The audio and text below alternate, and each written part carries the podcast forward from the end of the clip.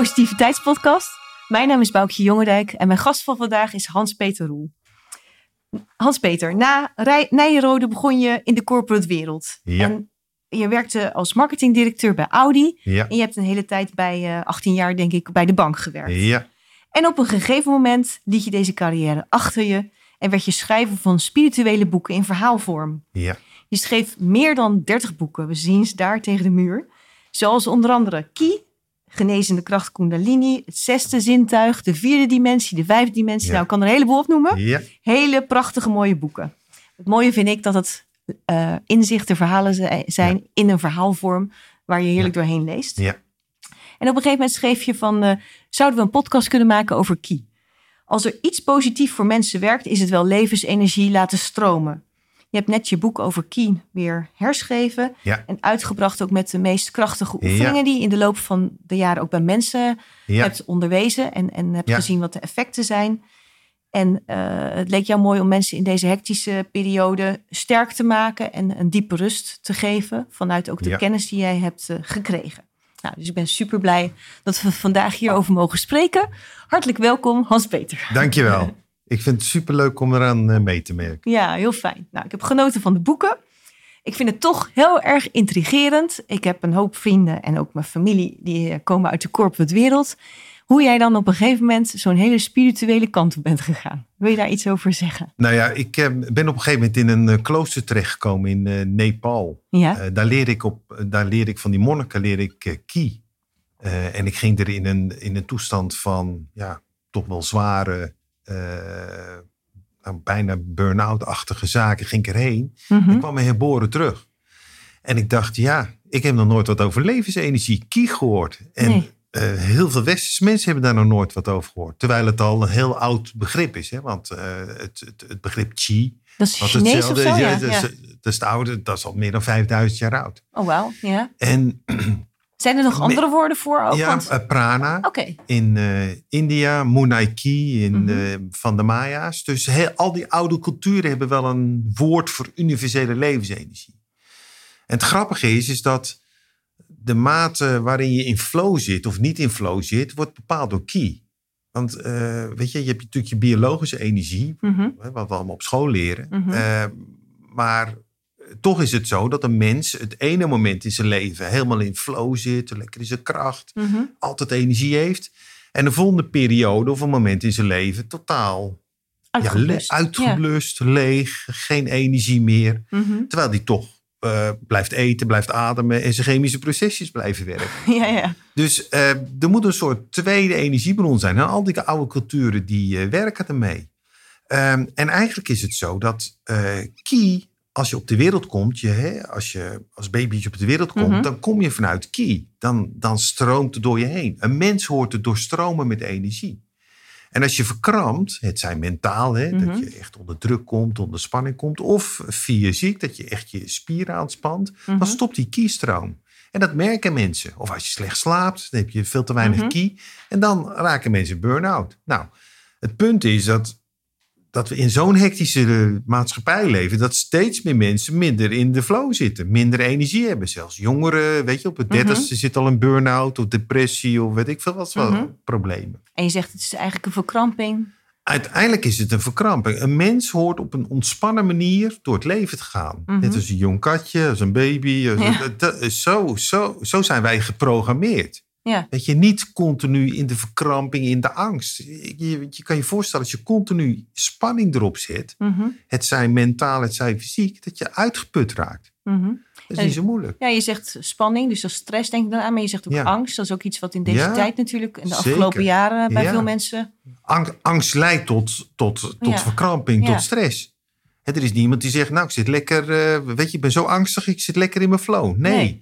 En, zeker met de hele coronatijd en zo is de angst alleen maar aangejaagd. Nou, je ziet de resultaten. Mhm. Mensen zitten, zijn uitgeblust, hebben geen zin meer, Ja. worden ziek. Zelfs jongeren. Ja. Kijk, vroeger was het, weet je, als je dan 60 was en je was helemaal eh, uitgeblust, dan, dat, dan snapten mensen het wel. Maar nu, eh, jongeren van 20, 30, helemaal kapot, uitgeblust, geen energie Nee, meer. het zijn gigantische getallen. Als, en als we dan teruggaan naar, naar jouw periode, dat je ja, gewoon knalhard werkte in die, in die eh, nou ja, snelle Ja. wereld.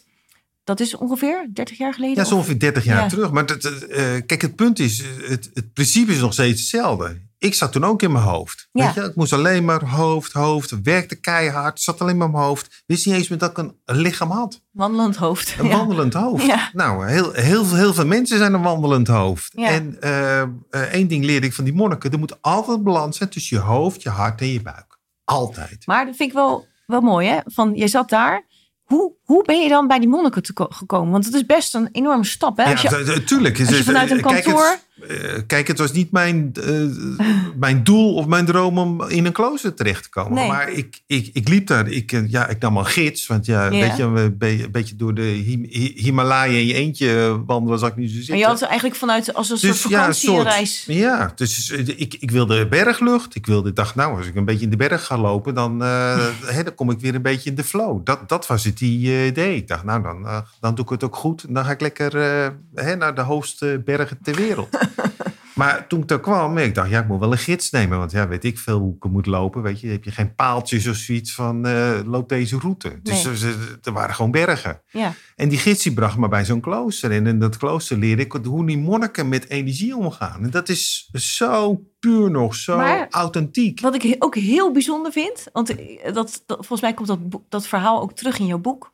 Ehm, op een gegeven moment word je uitgenodigd door de monniken. Dus dat vind ik sowieso al heel bijzonder. Want ik denk Ja. niet dat elke wandelende toerist die daar met een gids Zeker. langs loopt.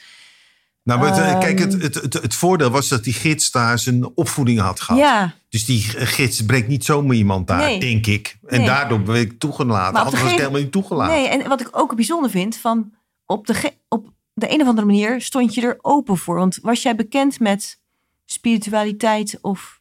Nou, wij- Of had je- had je er dat- iets mee? Nou, laat ik het zo zeggen. Ik, eh, toen ik eh, een jong, jong jongetje was, dat weet ik nog. Toen had ik altijd, eh, ja, wat zou ik zeggen, heldere dromen of zoiets. Mhm. En dan was ik best wel een dromerig jongetje. Dus ik Mhm. denk dat, de spirituali- dat ik vanuit die spiritualiteit zeker ben geboren. Alleen mijn vader was gewoon een knalharde onder- ondernemer. Eh, met losse handjes. En eh, weet je, mijn, mijn moeder was zwaar, zwaar gereformeerd. Mhm. Dus er was niet veel ruimte voor spiritualiteit. Dus ik dacht al heel snel, nou dat is een beetje, weet je, dat... eh, Maar dacht je van jezelf ook dat is raar? ja, of, dat is een of- beetje raar. Weet je wel, weg. Ja, Dus dat heb ik weggedrukt. Weet je, ik heb een een ruige pu puberteit gehad. Niks met spiritualiteit. Ik moest er niks van hebben. Maar Ja, to- Eh, tot omdat ik je vastliep. ja, tot ik vastliep. ja. En toen ben ik weer gaan doen. En, eh, is het ja. een soort van herkenning geweest dan voor je? Of ja, dat klinkt Nou ja, ik, het, het- het is wel een, een periode, weet je wel, dat ik dacht, hé, hey, er is even iets meer in de, in de wereld. Hoe kan het nou zijn dat er energie door je heen stroomt? Hoe kan het nou zijn? En ik Mm. was natuurlijk wel, weet je, als je, het, het, dat is eigenlijk altijd zo. Als mensen pijn hebben, willen ze eh, eh, veranderen. Dat is Mm. hetzelfde als met, Ja. eh, zeg maar, met duurzaamheid. ja, I- iedereen roept, ik wil duurzaam zijn, maar iedereen neemt het vliegtuig. Of iedereen stookt zich helemaal surf. Tot, tot, Totdat. tot, totdat de gasprijs 300 euro per kuub is, of weet ik veel wat. Mhm. En dan in één keer is iedereen duurzaam. Dus je moet eerst pijn lijden. Dat is eigenlijk altijd zo. ja dus urgentie voor, je, pijn. ja, voor je kan groeien. En anders denk je, nou ja, tuurlijk wil ik dat, maar prima. Weet je wel? Ja, en jij je was- komt pas uit je comfortzone als je pijn hebt. Ik, ik, ik, ik zag het ooit ook aan mijn moeder.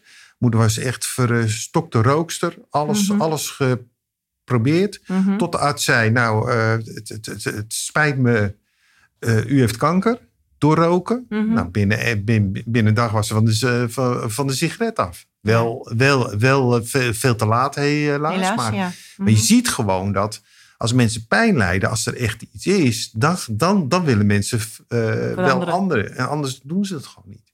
Ja. Dat is, dat is een beetje. En, dat, is- en, ik, en ik ben hetzelfde. Dus ja, toen ik. heel- hetzelfde, ja. toen, toen ik aan de grond zat, ik dacht, ja, maar zoveel pijn en zoveel ellende wil ik niet meer hebben. niet, kan niet erger. en dus, toen eh, kwam ja. op een gegeven moment eh, spiritualiteit. En ik zie het ook heel veel in mijn workshops. Hè, want eh, weet je, ik doe nu, nou, wat zal het zijn, 13, 14 jaar workshops. Mhm. In eerste instantie zag Wat ik... zie je vooral? Nou, wat, eh, het meest belangrijke wat ik zie eh, toen ik startte met de workshop, was het vooral ja, eh, de wat progressievere mensen. Wat, die wat, maar tegenwoordig heb ik iedereen. Ik heb kinderen, ik heb ouderen, ik heb zakenmensen, ik heb huisvrouwen, ik heb dat is ook wel mooi. alles. Ja. En, die- en dat komt omdat. En, en de populariteit neemt dan al maar toe. Dat komt omdat die maatschappij gewoon zo, uh, ja, zoveel op het hoofd gericht is, zoveel op angst gericht is, dat Mhm. mensen gewoon iets gaan zoeken om, om eruit Om op te, te komen. lossen. Ja. En uh, vroeger, vroeger hadden ze al een beetje steun bij de kerk. Nou, er komt niemand meer. Mhm. Dus ze gaan nu zoeken in uh, spiritualiteit. Dus Ja. die, dat pad wat, wat ik 30 jaar terugliep, lopen, lopen heel veel mensen nu. En nou, daar kan ik ze een beetje veel, bij helpen. Ook veel aanbod, hè? Dat is ook wel mooi. Zeker, dus, het- natuurlijk. Want weet je, eh, net, net, net, net als ik toen ik op een gegeven moment ja, een beetje wakker werd, zou ik, zou ik maar zeggen, worden er nu ook wel mensen wakker. En die Mhm. denken, nou, ik ga ze een cursus doen, of ik ga ze een eh, cursus geven, of ik ga ze een boek schrijven. Ja. Dus tuurlijk zie je dat er op het moment dat er meer mensen spiritueel ontwaken, dat er dan meer aanbod komt. Ja, Ja. Dat is, maar dat is prima. ja, Hoe, eh, hoe er meer positiviteit, hoe beter het is in het leven. yes, helemaal mee eens. nee, en toen, ik zit er even te denken van, ehm, je kwam met echt zware burn-out en je sliep ook slecht. en Je had volgens Ja. mij slaappillen. Ja, En hoe was dan jouw eerste ervaring met Kie? Had je meteen het idee van, want dat hebben ze jou geleerd in stapjes? Nou ja, kijk, het, het- mijn eerste er- ervaring met kie was vloeren schrobben. Dus ik heb een week lang heb ik op mijn knieën gezeten. Eh, ik wat dacht, wat ja, denk je dat ze daarmee wilden doen? Nou, om je, eh, om, je, om, om je ego gewoon kleiner te Ja, maken. is wel grappig, dat want is dat Kie, heel simpel. ik, ik ja, zie dat steeds, wij zien dat steeds dat het boek liggen en dan denken we ik, ja, als je het omdraait. tuurlijk. Ja, Ja. Maar dat is... Kies, kies de opposite van je ego. ja. Kies, Ja, gewoon, kies gewoon de universele energie die alles heen stroomt. Die zeg maar warmhartig is, liefdevol is. eh, ja, dat is key. Terwijl je ego is van eerst eens even kijken hoe, eh, hoe ik er beter van word. En eh, weet je, je ego gaat uit van schaarse middelen. En die schaarse middelen, eh, in geld of wat je ook noemt, huizen, eh, Mhm. wat we tegenwoordig hebben. Daar zijn jij en ik eh, om, om aan het vechten. Dat is je ego. Die zegt, ja, als ik het niet pak, dan pak zij het en heb je niks. Mhm. Dus je ego zit vooral die angst te voeden bij jou. Terwijl je key is gewoon, ja, wacht, weet je, we kunnen beter delen. Weet je, hebben we beide wat. Mhm. En dan kan je beter jou helpen dan tegen jou. En dat is denk ik de ware aard, aard van de mensen. En daar gaan we trouwens ook, ook heen in de nieuwe... we zitten nu in het Aquarisch tijdperk. Dat is Mhm. het tijdperk van verbinden. Dus de tweede reden waarom Kie zo ja. populair is. Omdat iedereen wel voelt... hey, eh, het kan niet zo gaan dat ieder mens alleen maar ik, ik, ik... eh, haal, haal, haal zoveel mogelijk naar binnen. Want dan gaat de aarde naar de Ja. Filistijnen. Want- Dus mensen willen ook verbinden en willen ook... Ja, want Daarom, eh, ja. de eerste periode hiervoor was van de vissen. Dat was dan heel erg op zelf. Ja, kijk, wat, je, of- kijk, wat ja. je ziet is de grote astrologische cirkel is 24.000 jaar. Mhm. Dus elk eh, sterrenbeeld, zal ik maar zeggen, duurt 2000 jaar gemiddeld. Dus het vissentijdperk startte eh, rond de eh, geboorte van, Van Christus. Christus, ja.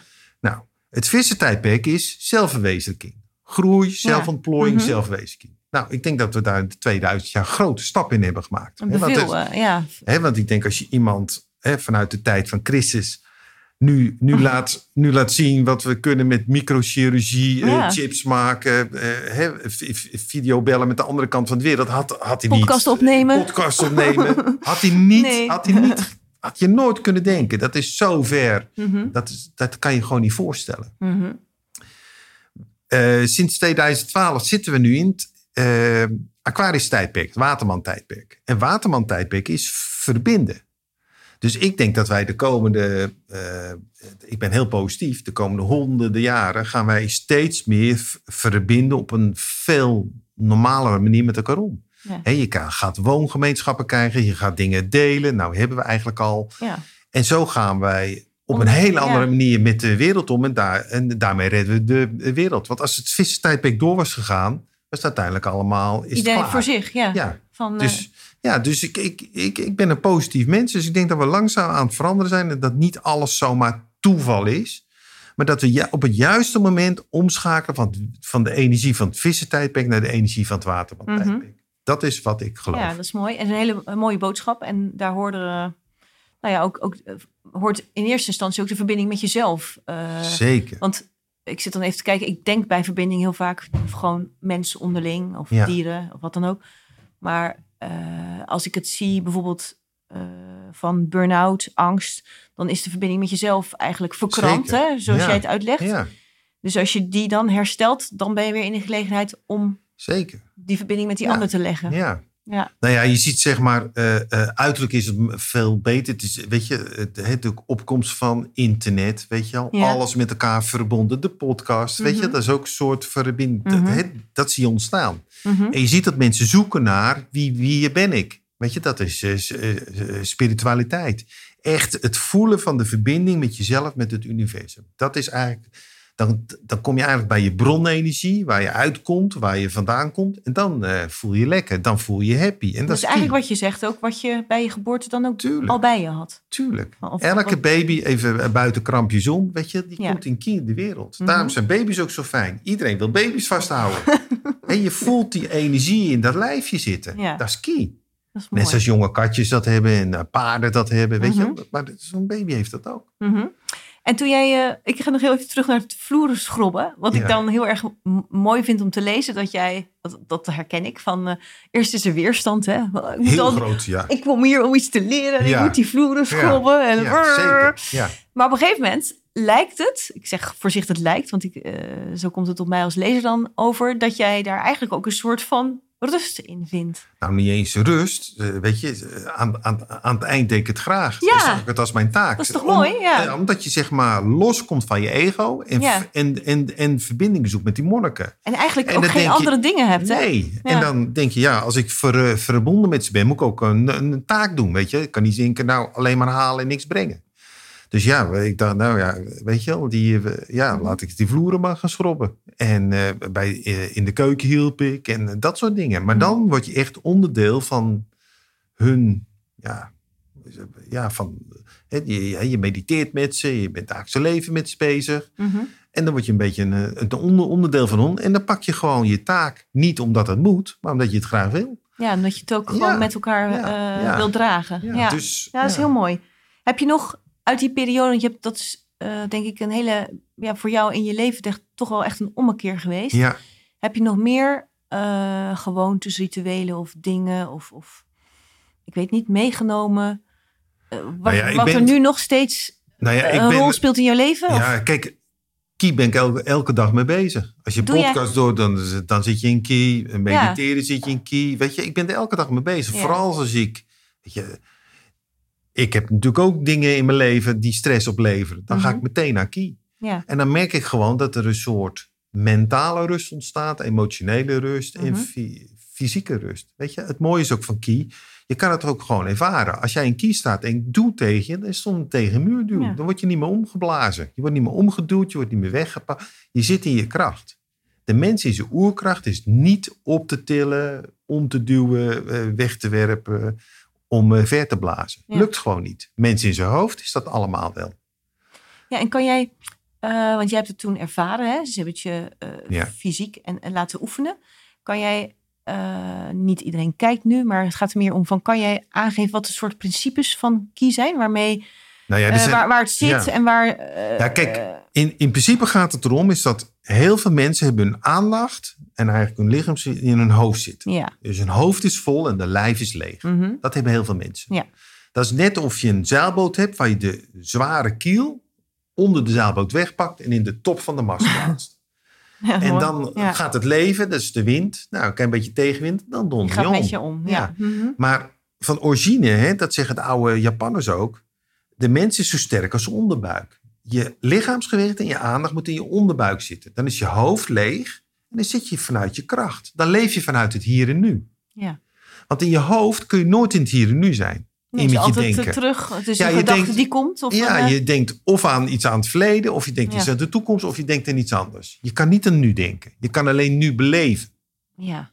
En heel veel mensen merken dat ook. Hè. Eh, in mijn cursus zeg ik het ook altijd wel. Eh, iedereen herkent het, of bijna iedereen herkent het wel, dat je in de auto uit, ik noem maar wat, eh, een Den Bosch wegrijdt. En één keer denk je, oh, ik ben al bij Utrecht.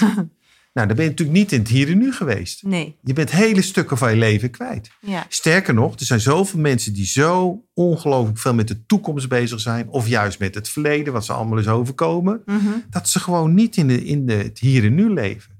En de bedoeling van het leven is dat je zeg maar in het hier en nu bent. En kijkt wat er op je leven op je pad komt. En niet dat je continu met je kopie denkt, oh ja, ik was gisteren daar. En waarom heeft hij dat gedaan? Of morgen wil ik dat bereiken en moet ik dat en zus en zo. Mhm. Kijk, morgen ziet het toch anders uit. En gisteren kan je helemaal niks meer aan doen. Nee. Dus het gaat om het levend hier en nu. Dat is eigenlijk key. Ja, dus- Want key is gewoon je aandacht in je lichaam. Dus dat je echt gewaar wordt in je lichaam. is wel interessant. Ik loop...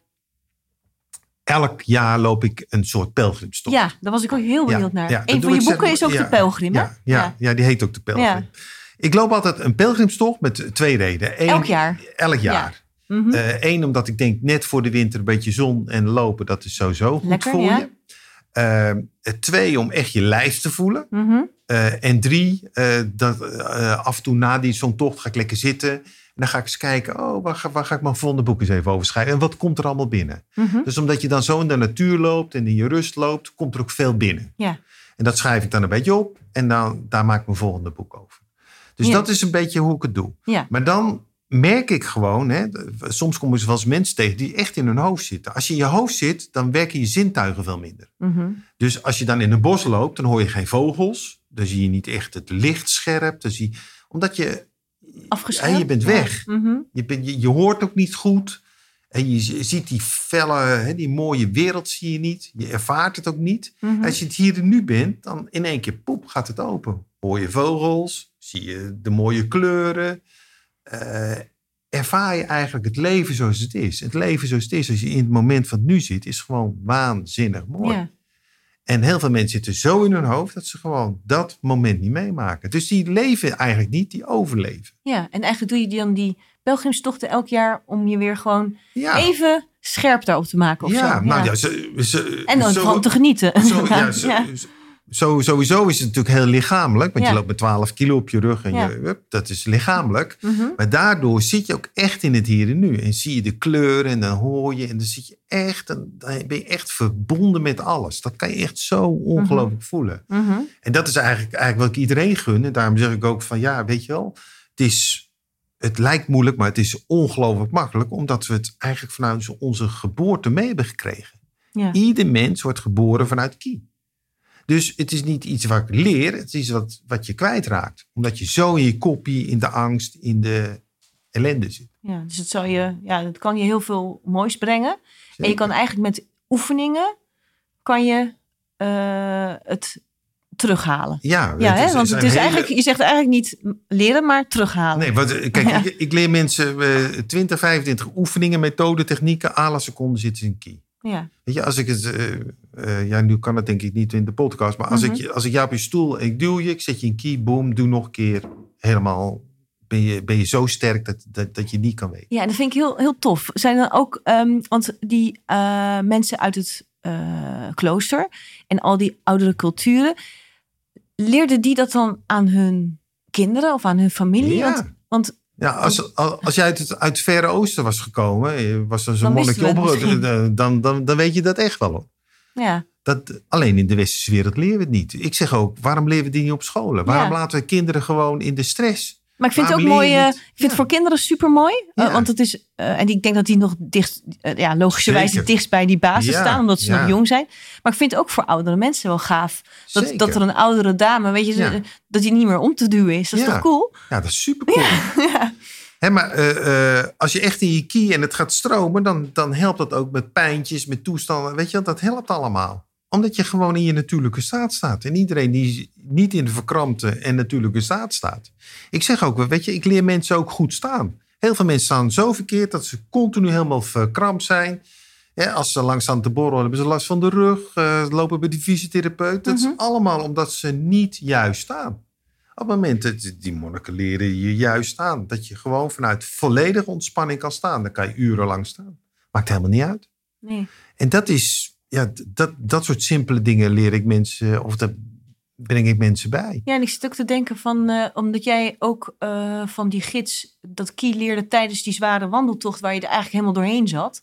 Ja. Is dat dan ook eh, best een krachtige tool voor fysieke Zeker. inspanning? Ik had pas had ik een, een vrouw, ik denk half, tegen de 60 misschien aan. Die ging met uh, puberkinderen, of nou, die waren zelfs al wat ouder. Mhm, Ging ze een wandeltocht in de Alpen doen. mhm. Nou, ze liep er, weet je, ze zat veel minder energie. Dus die kinderen voorop en zij helemaal achter. Ze dacht, nou ja, ik loop helemaal achteraan. eh, Ik kan niet ook in je meer. hoofd steeds meer. Ja. eh, Weet je wat? Ik heb een keybook gelezen. Ik ga gewoon met aandacht lichaamsgewicht in de onderbuik brengen. Dus die ging vanuit key lopen. Nou, die haalde zo die kinderen in. Ze zei, nou, het was niet normaal.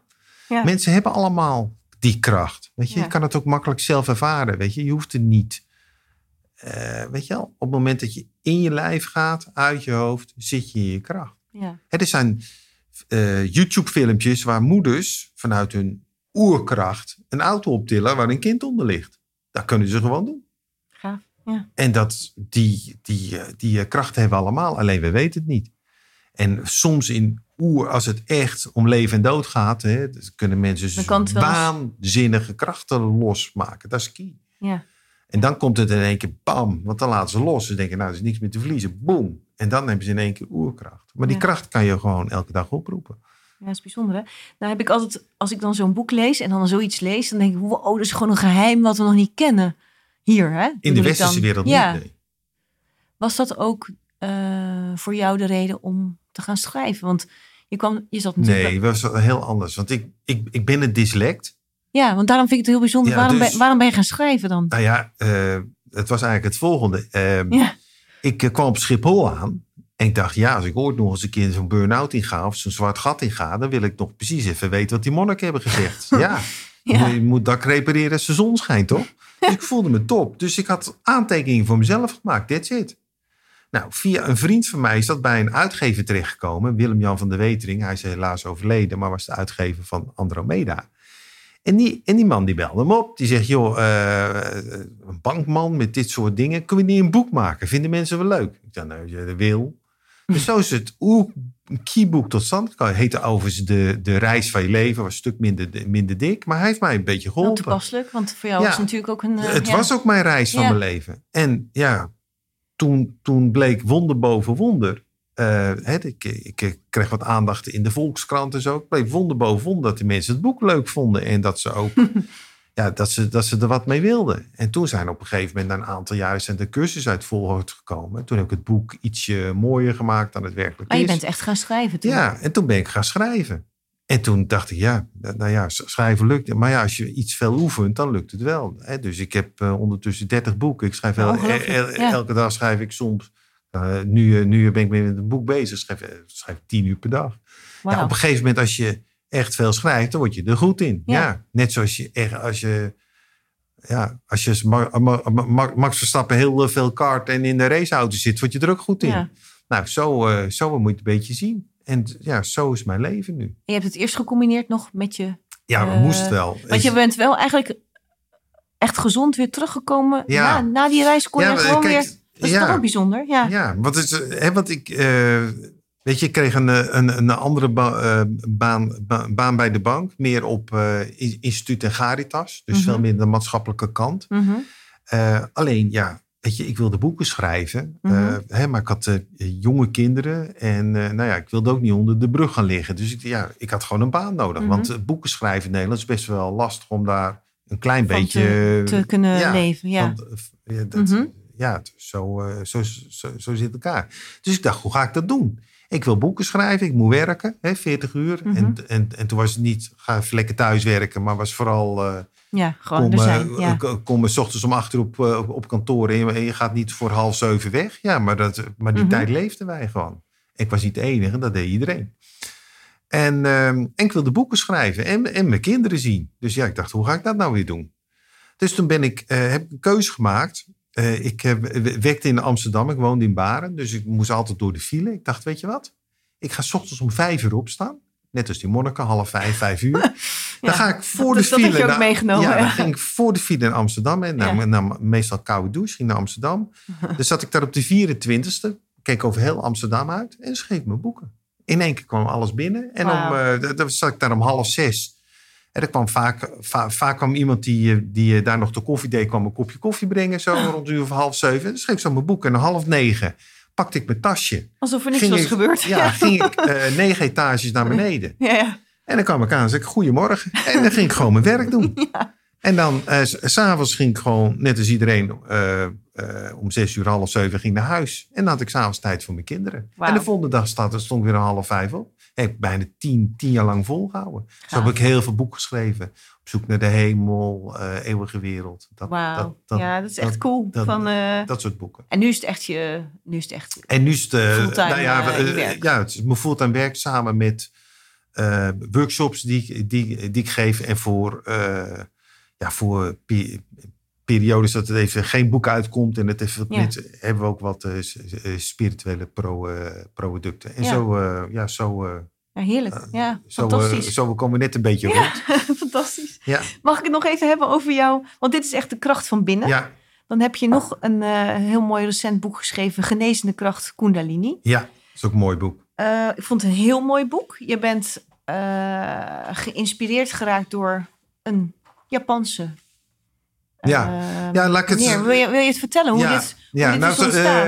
eh, eh, ik, eh, ik schrijf heel vaak in Rolduc. Dat is een abdij in Kerkrade. Dat is een heel oude abdij. Dus Nee, de- mijn vader Ja? heeft daar vroeger volgens mij gezeten. Want ik heb daar nog een bierglas van. Ja? ja. Oké. nou Ja, echt in, in de, de oude tijd. Ja, Wat bijzonder. dus het is heel apart. Maar dan heb je kloostergangen, een vierkante kloostergang. Ja? Ik denk wel, ben er geweest, ja. de 300, me- 400 meter lang, weet je wel. Mhm. En wat ik dan vaak doe, is dat ik daar ga schrijven. Ga ik die kloostergangen lopen, zo. En dan komen de, komen de dingen binnen. En dan sta ik weer even op. En dan ga ik weer een rondje kloostergangen. En zo wissel ik dat een beetje af. Dus dan loop je en Ja? schrijf je. Oh, wauw. Dus, eh, dus ik schrijf daar best vaak. Of, of, eh, En je mag daar dan gewoon... of- of- eh, nou ja, ik mag gewoon een kamer huren. En Ja, dan, wat leuk. Prima, ja. Ja, ja. ja, ja. Nou, te- te- tegenwoordig kan je, weet je, het is allemaal heel eh, eh, primitief, maar leuk. Ja. Eh, en dan, nou ja, dan ben ik echt met mijn boeken bezig. Mhm.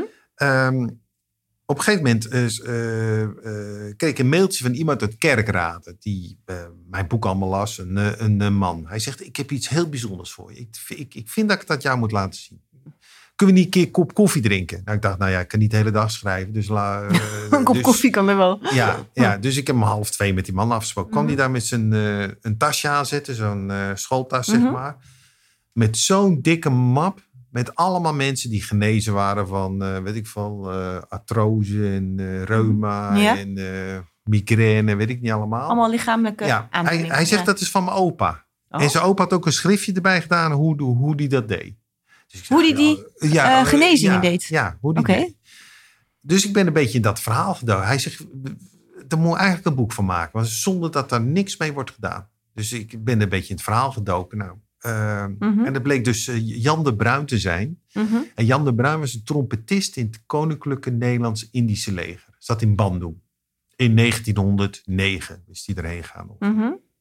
En eh, eh, wat je daar had, dat noemden ze de Tangzi, maar was een eh, kazerne. Ja. En eh, daar, daar, daar in de Tangzi, daar leefden niet alleen soldaten en officieren, maar er zaten ook, eh, dat, dat noemden ze de, de, de, de inlanders. Ja. Dat waren vrouwen van, eh, die, die dan een, een, eh, re- re- relatie met zijn man hadden. Maar er zat ook nog een doekoen zat daar. En doekoen was een soort sjamaan Oké. uit Nederlands-Indië. Het dus, was, wat, ze, wat ze in die tijd hadden ze niet allemaal die ziekenhuizen als ons. Dus als, je, als je in zo'n Ja. dorp of zo'n kampong ziek werd, dan ging je naar de Naar de doekoen. shaman, ja. En die doekoen, die, leed- die, die deed dan wat met zijn handen Mhm. of die gaf medicijnen. Of, eh, nou ja, zo, eh, hè, zo, eh, zo, zo was een hele cultuur was groot geworden. Ja. Ehm, en hij had van het doekoen had hij geleerd hoe hij met zijn handen, met kundalini-kracht, kon genezen.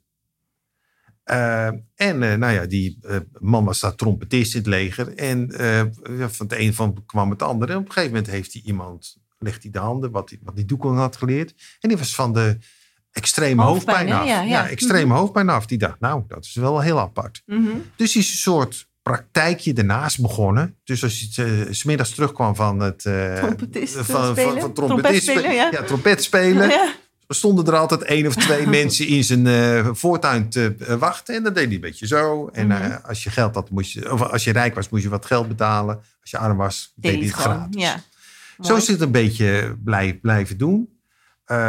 Eh, op een gegeven moment eh, ontmoette hij een inlandse vrouw, een hele sterke Mhm. inlandse vrouw. Daar is hij mee getrouwd. Mhm. Eh, kregen ze kinderen. Nou, de, de de, de, de, eerste twee kinderen die komen te overlijden. En hij, mocht ze niet behandelen.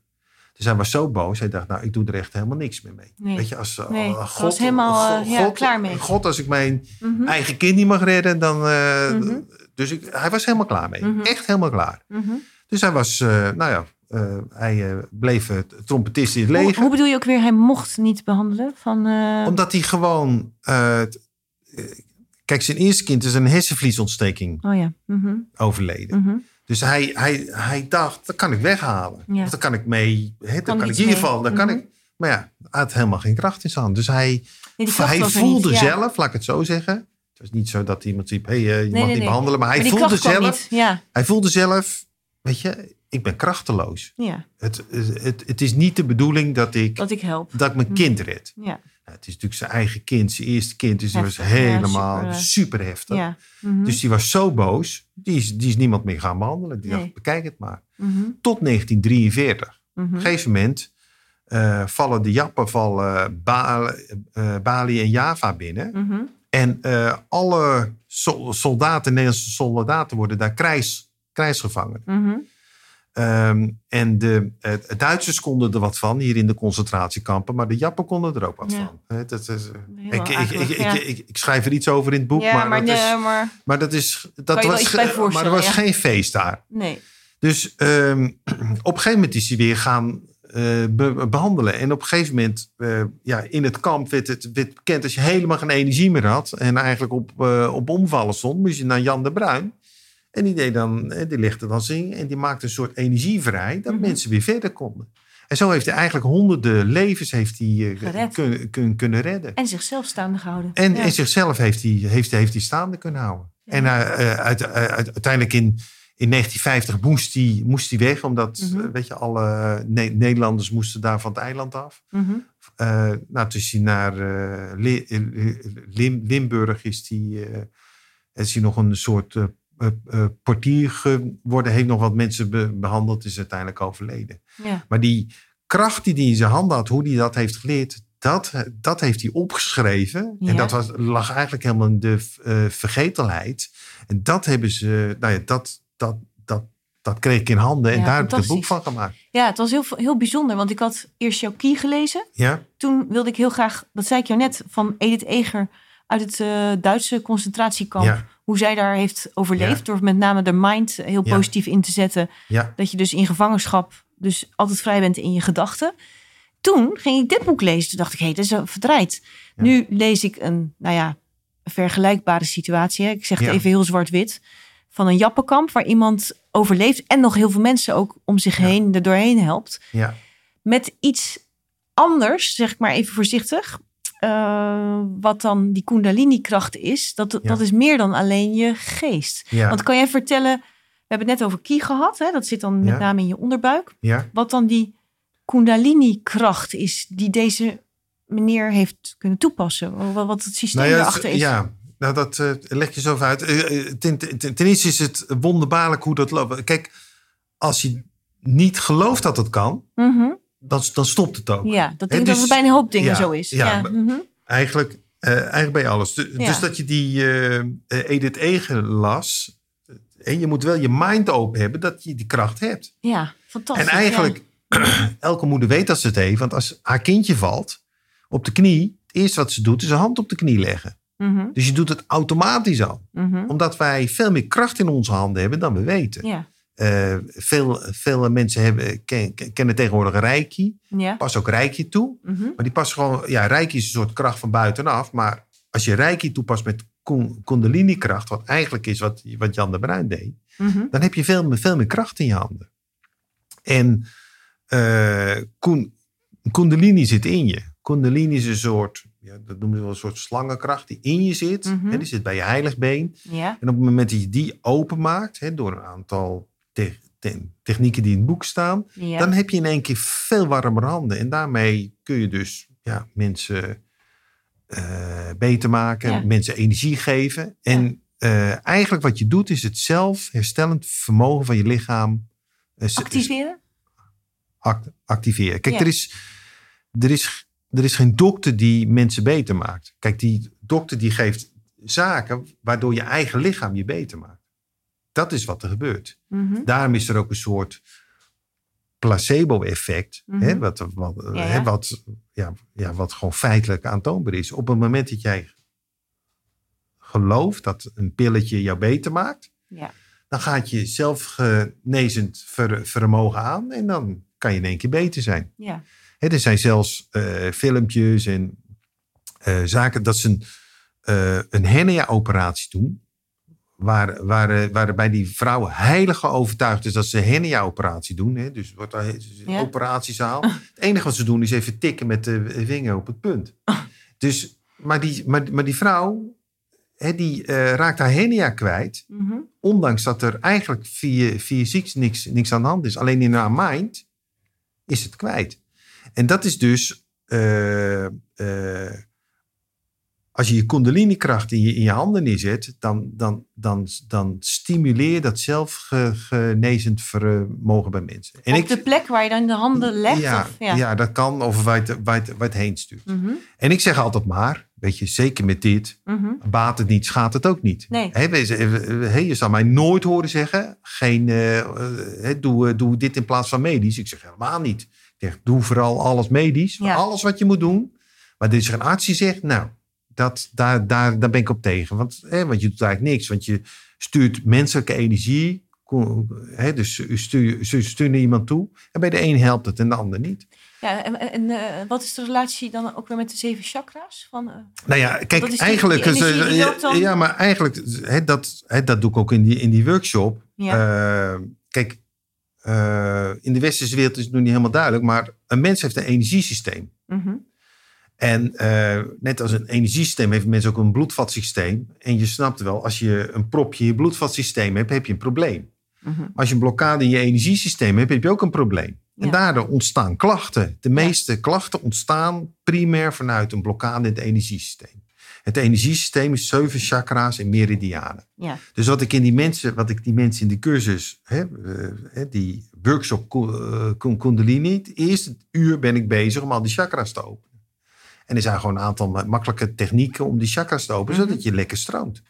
En dan, op het moment dat die chakras, dan kan je zeg maar je Ku- Kundalini-kracht opengooien en dan gooi je het in je handen. En dan, ja, dan. Kan je er. Ja, En dan help je mensen. ja bijzonder. Ja, Ook mooi dat die meneer bij naar jou toe is Ja. gekomen. ja maar dat is, Ja. ja. deze, weet je, het was best een nuchtere man, die eh, Ja. Jan, Jan, Ja, Jan, de mooi dat Bruin. hij, ja, eh, het- weet je, het was echt, het was echt geen zweven. Nee, Hè, zijn eh, eh, naam is onnuchter. Maar, maar het was gewoon een nuchtere man. ja. Maar die dacht, nou, als dat helpt. En, als, en als die mensen elke dag op de stoep staan, nou, dan ga ik ze mee helpen.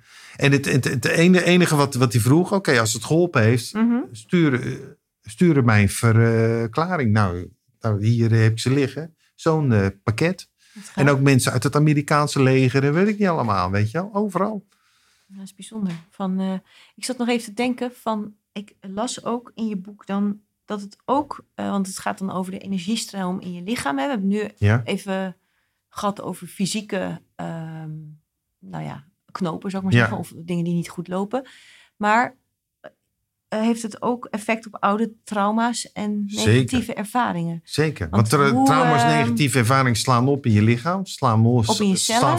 vaak op, op in je en- energiesysteem. Ja, Dus op het moment dat dat doorstroomt, hè, dan, dan, ja, dan, dan eh, los je dat ook op. ja en, en dan kan je dan ook, ehm, ki en kundalini zijn anders, hè? Dat, Ja. eh, maar kan je ze ook complementair dan Zeker. gebruiken? Kijk, ki is je contact met de universele energie. Ja. Dus die universele energie komt via je ki door je heen. Mhm. Kundalini is je eigen eh, en- energiesysteem. Stroom, ja. Ja, energiestroom. Mhm.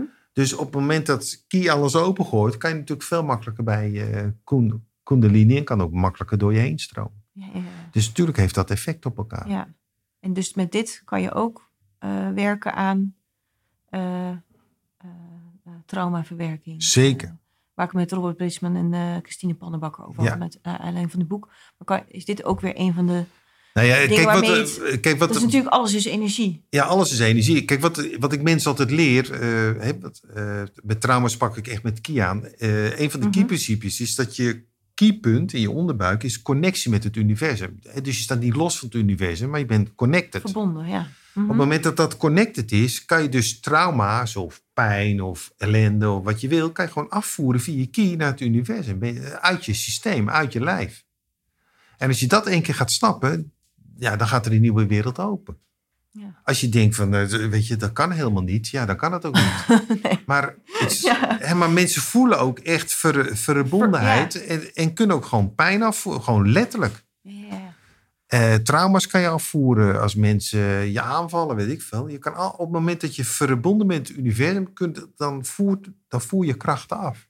Die op je lijf. Omdat je, ja, omdat je het gewoon uit je Systeem steen werkt. Ja. En eh, eh, een van de kiestromen is ook via je voeten aarde.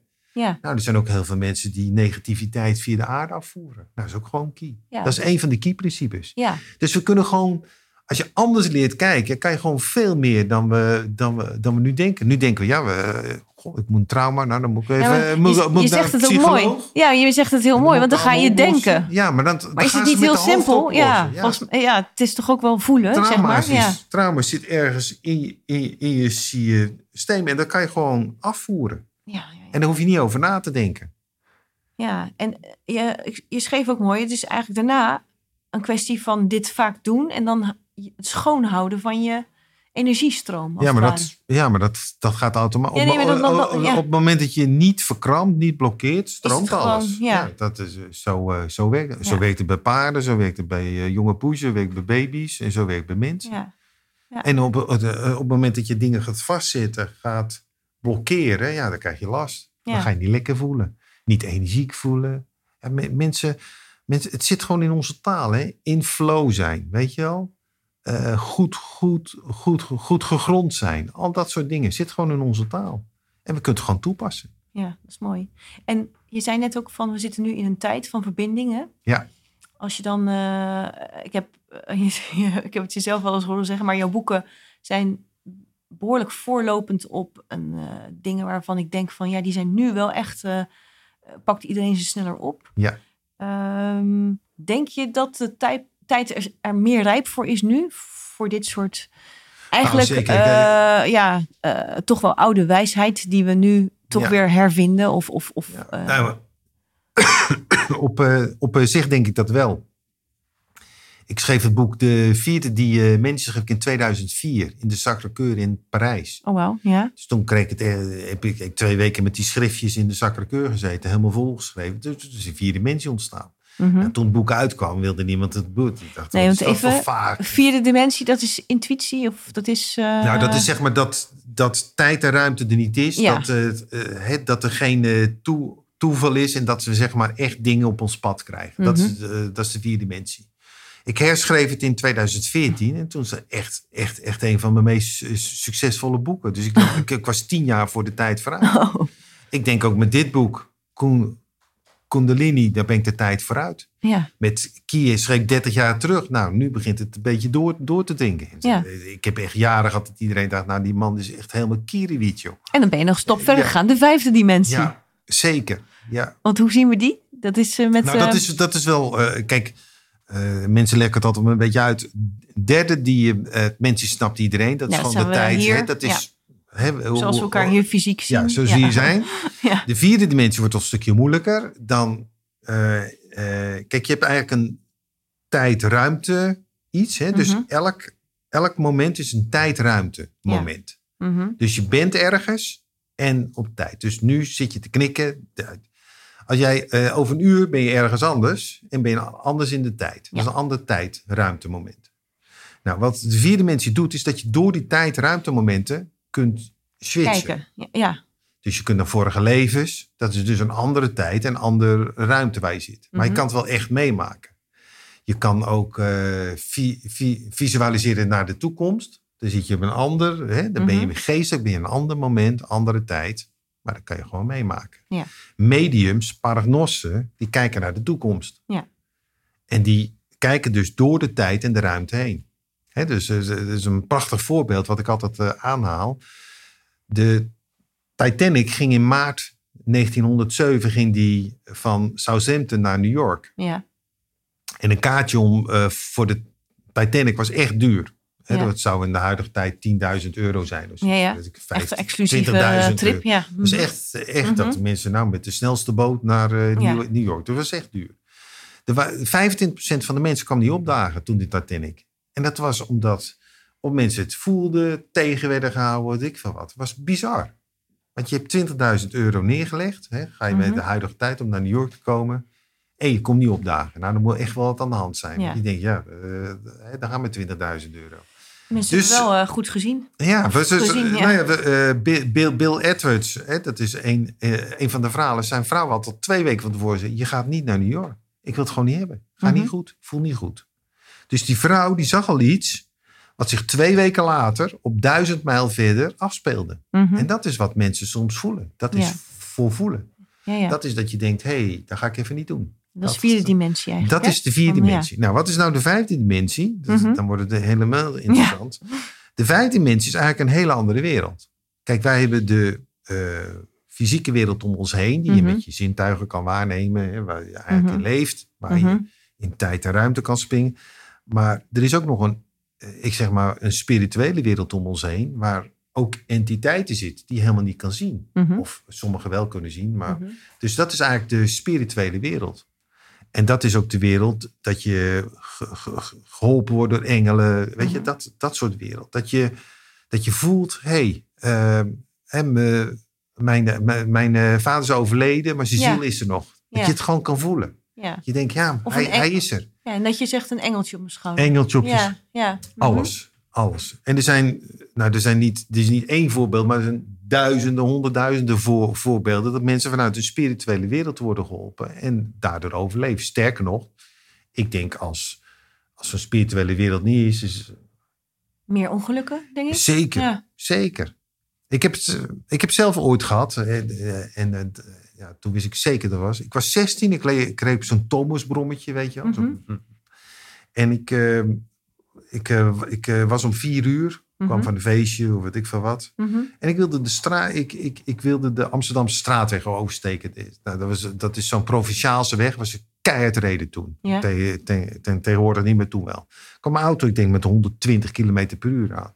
En ik eigenlijk, ik zag hem, op een gegeven moment, op dat moment sloeg mijn, mijn motortje af. Jeetje. Mijn motortje sloeg af van mijn brommer. Ik dacht, nog nooit gebeurd. En zo kwam ik net op tijd op soort en toen knalde hij erop. Als dat Ja. niet was gebeurd, eh, hadden, hadden we geen podcast gehad. 100%. Nee, maar ik heb hetzelfde verhaal. Nou ja, een soort gelijk verhaal. Iets later in de tijd, ik denk dat ik twintig was, ben ik met een klein autootje tegen een boom aangeknald in een eh, kleine seconde van slaap.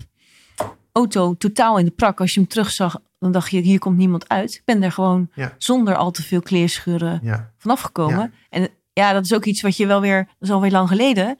En wat je af en toe popt het op, maar het is ook vaak weg. Maar daar denk ik ook altijd van, niet te geloven, Boukje, dat je daar uit bent gekomen. En dat, eh, is, dat, dat, dat- hè, maar Ja. dat, dat, dat is de spirituele wereld. En dat noemen mensen dan engeltje op je schouder hebben. mhm. Maar mensen worden gewoon geholpen, krijgen eh, dromen, krijgen inzichten.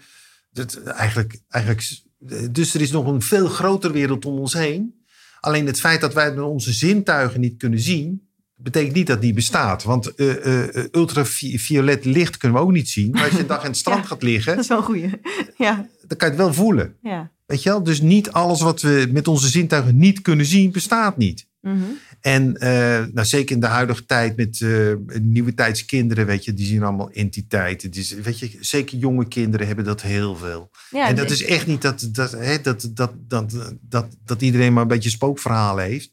Maar het is gewoon dat er een soort wereld om ons heen zit van entiteiten die helpen. Alleen mensen weten gewoon niet dat ze, dat ze om hulp kunnen vragen. Kijk, wat ik altijd maar zeg, het bidden vroeger was eigenlijk spirituele, was eigenlijk gewoon de spirituele wereld om hulp vragen. Mhm. De Heilige Geest en zo, dat is, eh, dat is natuurlijk de spirituele wereld. Ja, als je heel En- rationeel naar die Ja. verhalen gaat kijken, dan snap je ze ook niet. Nee.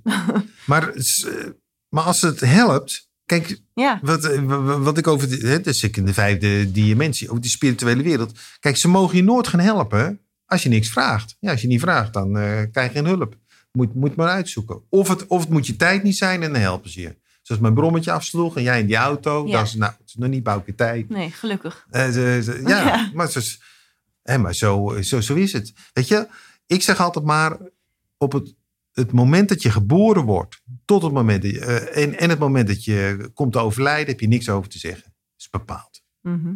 En daarom eh, ga- gaan er sommige mensen op een ongelooflijke lullige manier op hele jonge leeftijd vallen weg. Ja. En andere mensen op een ongelooflijke wijze dat je denkt, hoe kan het dat je hieruit komt, blijven gewoon eh, Mhm. in, in de leven. Omdat je dat gewoon niet, Nee. niet, niet, niet zelf kunt. Mhm. Het enige wat je, hè, wat je weet, en dat is ook een beetje wat we gaan ontdekken in het nieuwe Aquarius-tijdperk of Waterman-tijdperk, is dat we niet alleen verbinding gaan maken met alles en iedereen om ons heen, maar ook met de, met de spirituele wereld. En dat is de vijfde die, eh, die je mensie. En als je één keer dat gaat begrijpen, hè, en eh, mijn, mijn, mijn hoofdpersonen leren dat in Tibet, Ja. leren dat van de Tibetaanse lama's. Mhm. Als je dat één keer gaat snappen, ja, dan eh, kom je in een hele andere wereld. Maar is dat dan ook dat je zegt van dat, is, dat hangt dan ook samen met het tijdperk waarin we nu zitten?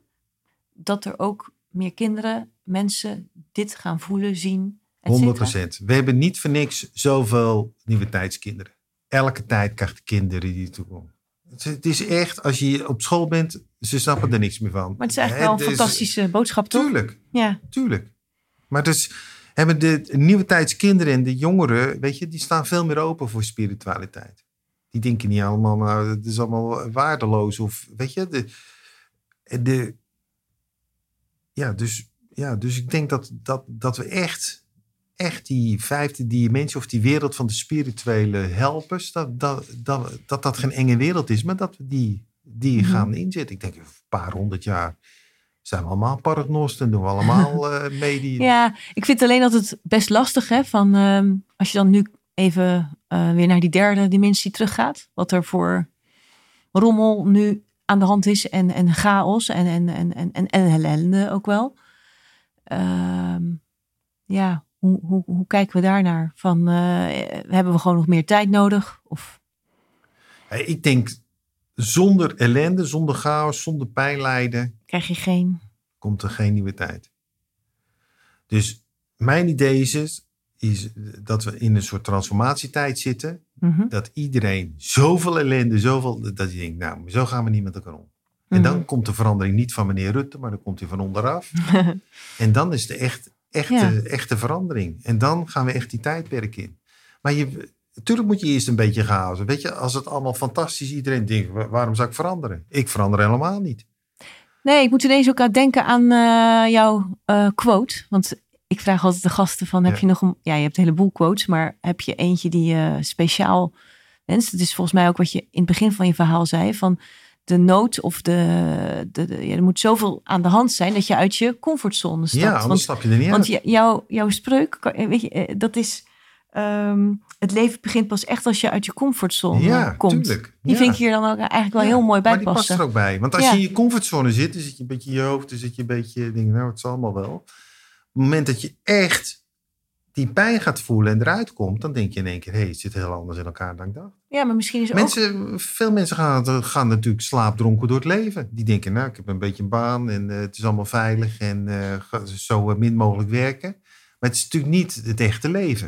Het is niet zo dat je denkt, nou, daar ben ik even trots op. Nee, vaak het echte leven ontstaat als je echt ellende krijgt. Of als je echt pijn krijgt. Of dat je, dat je en, en nou ga ik groeien. En dan word je in één keer wakker, word je bewust. Gaan de andere dingen spelen. En dan ga je die spirituele groei maken. En dan ben je echt bezig met, met, met eh, waar, waar eh, voor je bent. Het hele pamperen, ja, weet je, dat is, dat is fijn om mensen in slaap te houden. Maar, nie, nie, maar niemand wordt daar beter van. Nee, en eigenlijk zijn al die dingen van kijk, kijken of voelen dat er ook nog meer is dan de derde, is dan eigenlijk ook uit je comfortzone komen. Zeker. Als, ik, als, het, als het bij mij allemaal fantastisch was gegaan, had ik nooit geen boek geschreven. Was ik er niet heen gegaan, had ik gewoon voor het geld gewerkt. Dan was ik een soort ba- ba- bankier nu geweest. Met heel veel geld op de bank, denk ik. En denk, ja, wat ben ik eigenlijk mee bezig? Maar was je gelukkig geweest? Nee, Nee. nee. Ik denk, dus, eh, en dat denk ik, eh, daar ben ik echt van overtuigd. Dat ieder mens heeft talenten gehad. Ieder mens heeft, zeg maar, eh, iets wat hij leuk vindt, waar hij plezier in heeft. Mhm. En dat moet je doen. Ja. Als je later op je bed ligt en ziet, nou wat heb ik een lekker makkelijk leven gehad. Dat, dat is niemand die dat roept. nee. Nee. nee. Wat je roept is, wat is mijn bijdrage aan de wereld? Hoe heb ik mijn talenten in, ingezet om toch een beetje een betere wereld te maken? Dat is wat mensen drijft. Ja, In de basis, denk ik. Dat denk ik ook. En de een is dat podcast maken, de ander is het boek schrijven, de derde is dat mantelzorg, de vierde is het kind opvoeden. Kan mij het schelen? Ja. Hoeft Maar- ook niet eh, heel Nee. ingewikkeld te zijn of, of groot. Zeker of, eh, niet. Nee. Kan ook uit, Nee. uit, uit de... Nee, ik had, eh, weet je, pas, eh, pas, pas hoorde ik dat hier, hier, in Rotterdam. Er is iemand gestart om eh, zwervers en, en, en daklozen eh, haar te gaan knippen. Dat, Oh, dat, dat dat gewoon, Oh, dan mooi. zien ze de sociale ruit, hebben ze kans op een baan. Weet je, Oh, wat dat leuk, is gewoon ja. totaal- dat, nou, Ja. als, je, eh, als je dat als werk doet, nou, dan doe je goede dingen. Ja. Ja, en als je, eh, als je een makkelijke baan bij de bank of bij de gemeente, weet ik veel wat, en eh, je denkt, nou, het zal allemaal wel, ja, dan haal je niet uit je leven. Het is wel makkelijk en misschien heb je een groot huis en misschien heb je, kan je elke Mhm. dag maar lekkere wijn drinken, weet ik veel. Maar het is niet iets waar je op je tachtigste trots op bent. Dat je denkt, nou, dat heb ik even, even gedaan, weet je, ik zat ergens. En dan, maar pas als je zeg maar echt dingen doet die bij je hart liggen en die eigenlijk de, de wereld een stukje beter helpen, ja, dan, dan wordt het mooi. Ja. Ik denk dat ik nog een jaar of twee, drie schrijf en dan ga ik gewoon eh allemaal management qua, qua, qua kwaliteit in eh, ontwikkelingslanden inzetten. Ga ik daar helpen, bedrijven, weet ik niet allemaal. Hè, daar ben ik nu al mee bezig. Ja, Lijkt mij fantastisch. Ja, je bent ook bezig voor scholen. Scholen, ja, omdat ik vind eigenlijk, ik vind het schande dat wij kinderen geen kiel leren. Ja, Weet je wel? nou ja, kijk, en, eh, ik ben Oh, blij dat je ze, ze boeken uit hun, ja, hoe ze uit hun stress komen. Ja. Dat moeten we kinderen Maar ik leren. vind het ook als ik dit lees, dan denk ik, oh jeetje, dan moet ik me iets mee gaan doen. Maar was het niet op mijn pad gekomen, dan had ik het ook niet gezien of geleerd, snap je? Dus dat is gewoon... eh, hoe kunnen mensen jou vinden als ze geïnteresseerd zijn in, in eh, een workshop of, of je Nou ja, boeken? Wat is het? Ik heb eh, twee dingen. Het meest makkelijk is het kiescentrum. www.kiescentrum.nl Weet je, daar staat eigenlijk alles aan workshops en Mhm. dingen op. Eh, eh, en als ze mij, mij zelf willen be- bereiken, moet ze even naar hanspeterrol.nl. Ja. En dan kunnen ze, en dan kunnen ze mij vinden. Ik hoop dat je nog lange tijd doorgaat. Nou, ik vond het superleuk. Ik ook, ik ook ben er heel blij mee. En ik hoop van harte dat een hele hoop mensen deze mooie oerkracht die iedereen ziet, Ja. ook oppakken en eh, lekker mee aan de slag gaan. Mooi. En eh, super bedankt. Bedankt voor het luisteren. Wil je meer inspiratie en een vleugje positiviteit van de mooie gasten die ik interview? Abonneer je dan op het kanaal waar jij het liefste luistert op de Positiviteitspodcast. Ook op mijn website boukjejongerijk.nl kun je alle afleveringen terugvinden. Fijne dag en tot over twee weken. Thank you.